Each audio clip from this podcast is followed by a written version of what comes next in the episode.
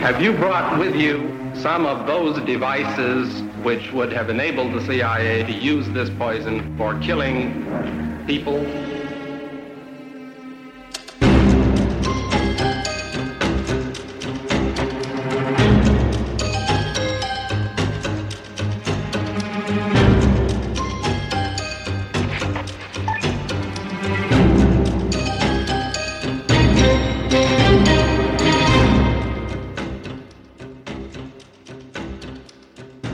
Mit problem er, at jeg kan simpelthen ikke rumme ind i hovedet, hvis det her er noget, den svenske stat har tildækket, fordi jeg tror i forvejen, at de har gjort så voldsomme ting i forbindelse med palmemord, så hvis jeg skal rumme, at, at Estonia også er, er et dirty game, så, så det kan jeg ikke have ind i hovedet. Hvad, hvad er Sverige så? Det har de gjort, øh, og det er lige altså, øh, det, det, altså, hvis det her det fortsætter, så øh, er det, er det, er det værre end Palme. Du lytter til det hemmeligste af det hemmelige. Et program om den kolde krigs hemmeligheder. Mit navn er Anders Christiansen, og med i studiet er dokumentarist Christian Kirk Muff. Den officielle haverikommission, man nedsatte og som arbejdede fra 1994 til 1997, den forklarings, forklaring, forklaringsmodel, kan man også kalde det, er totalt afkræftet i dag. Jeg tror ikke på, at der er nogen, der tror på den overhovedet. Som jeg sagde det før, der er ikke nogen, der vil stille sig op på en ølkasse og forsvare det. Det her er anden og sidste del om MS Estonia med vores særlige gæst, historiker Anders Øjes. Rigtig god fornøjelse. 850 mennesker savnes stadig, mens der er fundet omkring 20 omkomne. Overlevende er hele morgen blevet bragt til sygehusene i området. Nogle kunne selv gå fra ambulancerne, andre var stærkt nedkølet efter opholdet i havet. Forliset skete klokken halv et i nat, og alt tyder på, at færgen er gået ned på ganske kort tid. Alt, hvad der kan ses i området, er et mylder af redningsflåder. Kister gøres her klar til brug i Helsingfors, hvor ligene samles til identifikation. Det regnes for usandsynligt at finde flere overlevende nu. Den svenske søfartsdirektør siger, at fejl ved borgporten på Estonia må regnes for bidragende årsag til katastrofen.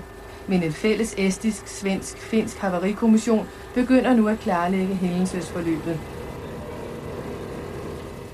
Der var panik ombord på Estonia de sidste minutter inden forliset. Passagererne blev hverken vækket eller informeret om situationen. En af de estiske søfolk fra det forliste Estonia fortæller, at skibet hældede mere og mere i en halv time, inden det sank. I Stockholm forsøger man nu at gøre facit op efter Estonias forlis, men den opgave er meget vanskelig. Noget af det, jeg kan huske, det var jo så, at så blev det her til sådan et gravsted. Det var, så var der jo planer om, at man nærmest ville lave sådan en øh, kæmpe skulptur under vandet ved at hælde øh, cement ud over det hele, altså dybest set forsegle det hele. Øh, øh, og hvis man havde gjort det, så kunne man jo så ikke have gjort det, som man har gjort på de, de senere år, ved at sende dykkere eller sende robotter derned og filme. Det er fuldstændig rigtigt. Hvis den svenske regering havde fået sin vilje i 1990'erne, så havde Estonia været pakket ind i en betonsarkofag. Det, altså, det, det, de ville simpelthen bare ja. dække gerningsstedet til med cement. Fuldstændig. Ja, først cement, og så senere så prøvede de med, med, med, med, med grus. Det skulle være sådan Ingvar Kronhammer under vand. Ja. Ja, ja men det, det er rigtigt. Altså, det, det, det lyder fuldstændig sindssygt, men det er rigtigt. Det var, det var, det ville de. De ville wow. dække det til 300 millioner svenske kroner, tror jeg nok, man nåede at bruge på det. Og hvorfor vil man det? Ja, det er der jo ikke rigtig nogen, der ved. Jo, altså den of- officielle grund, den kan, kan vi jo godt tage. Det, det, det var jo, øh, hvad hedder det, beskytte gravfreden. Og altså, Estonia ligger på en dybde, hvor, hvor man i teorien, hvis man, hvis, man, hvis man er en dygtig svømmedykker, så kan man sejle ud i sådan en relativt stor dykkerbåd. Og så kan man tage sin udrustning på, og så kan man, man hvem som helst, dykke ned til vraget. Og så var der, det er nogle officielle synspunkter, jeg gengiver nu, der var en, en, en frygt for, for vragplyndring. Mm. Altså at, at en, øh, en flaske vodka fra øh, den tolvfri butik ombord på Estonia øh, ville være sådan noget, man ville kunne sælge på det sorte marked for 2.000 kroner. Ja, ja. Men, men øh, det er jo alligevel noget af en investering at ville øh, sikre sig mod det ved at hælde cement ud over det hele. Ej, det var i hvert fald ikke evidensbaseret, kan man sige. Det var jo ikke baseret på, at det var, det var ikke baseret på, at det var sket. Nej, det var ikke sådan et kæmpe marked, der var var baseret opstået. på, at man var bange for, at det ville ske. Ja. Men, øh, men det fik de jo heldigvis ikke, øh, ikke lov til. Nej. Men, Nej, men altså, det er det, rigtigt. det, det her program, program har lidt glimt i øjet, så skal vi ikke lige tage en lille sjov historie med. Jo, endelig. Altså, i Henrik Evertsons dokumentar fra 2020, der medvirker øh, den, hun var ærkebiskop i, øh, i Sverige i 90'erne, og sad med i det etiske råd, som skulle medvirke til at træffe afgørelser om, hvad man skulle gøre for at sikre gravfreden. Og der er sådan en interview med hende, hvor hun sådan på meget svensk vis, da man drøfter det her med at sikre vraget, altså så siger hun, ja, der fanns jo vældig mycket sprit ombord, siger hun så. sådan helt, helt med sådan en tør eftertænksom svensk mine. Det, der er, er interessant, sådan en øh, bagvedliggende omstændighed, det er, at på det her tidspunkt her i midten af 90'erne, der er det jo meget nyt, at Estonia er, øh, er blevet et selvstændigt land. Hvorimod at, at Sverige har øh, al den byråkratiske kapacitet, som en moderne industristat har. De har en haverikommission, de har embedsmænd, der har forstand på alt sådan noget her. Det har æsterne overhovedet ikke. Så der er ikke nogen tvivl om, at der er sådan et storebror- og lillebror forhold mellem de to nationer på det tidspunkt.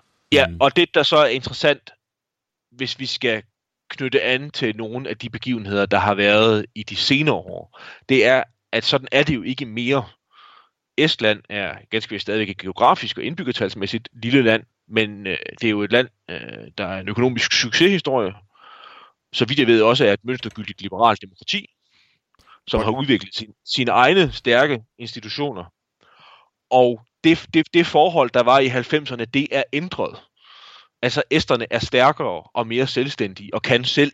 man kan sige, at sagen er jo den, at øh, stadigvæk, og igen ret mig, hvis jeg tager fejl, og så er den officielle forklaring på, hvorfor var det, at Estonia forlis, så var det en konstruktionsfejl. Ja, jeg tror ikke, der er så mange tilhængere af den mere, men så sent som i 2020, så fandtes de nu. Ja. Jeg Og ved så- ikke, om der er nogen, der har lyst til at stille sig op på en ølkasse der og forsvare den officielle forklaring. Nej, og så har vi snakket om Henrik Evertsen, en, en svensk øh, journalist, der i 2020 får en del opmærksomhed, fordi han øh, simpelthen sejler ud øh, og, og sender øh, nogle, nogle kameraer ned og filmer. Og, og, og det, det, man tager med fra den, fra den første dokumentarserie, han laver i 2020, det er, at han kan filme et rigtig stort hul i, på siden af, af skibet. Og hvorfor er det, øh, hvorfor er det interessant i forhold til, hvad vi har vidst før, øh, Anders?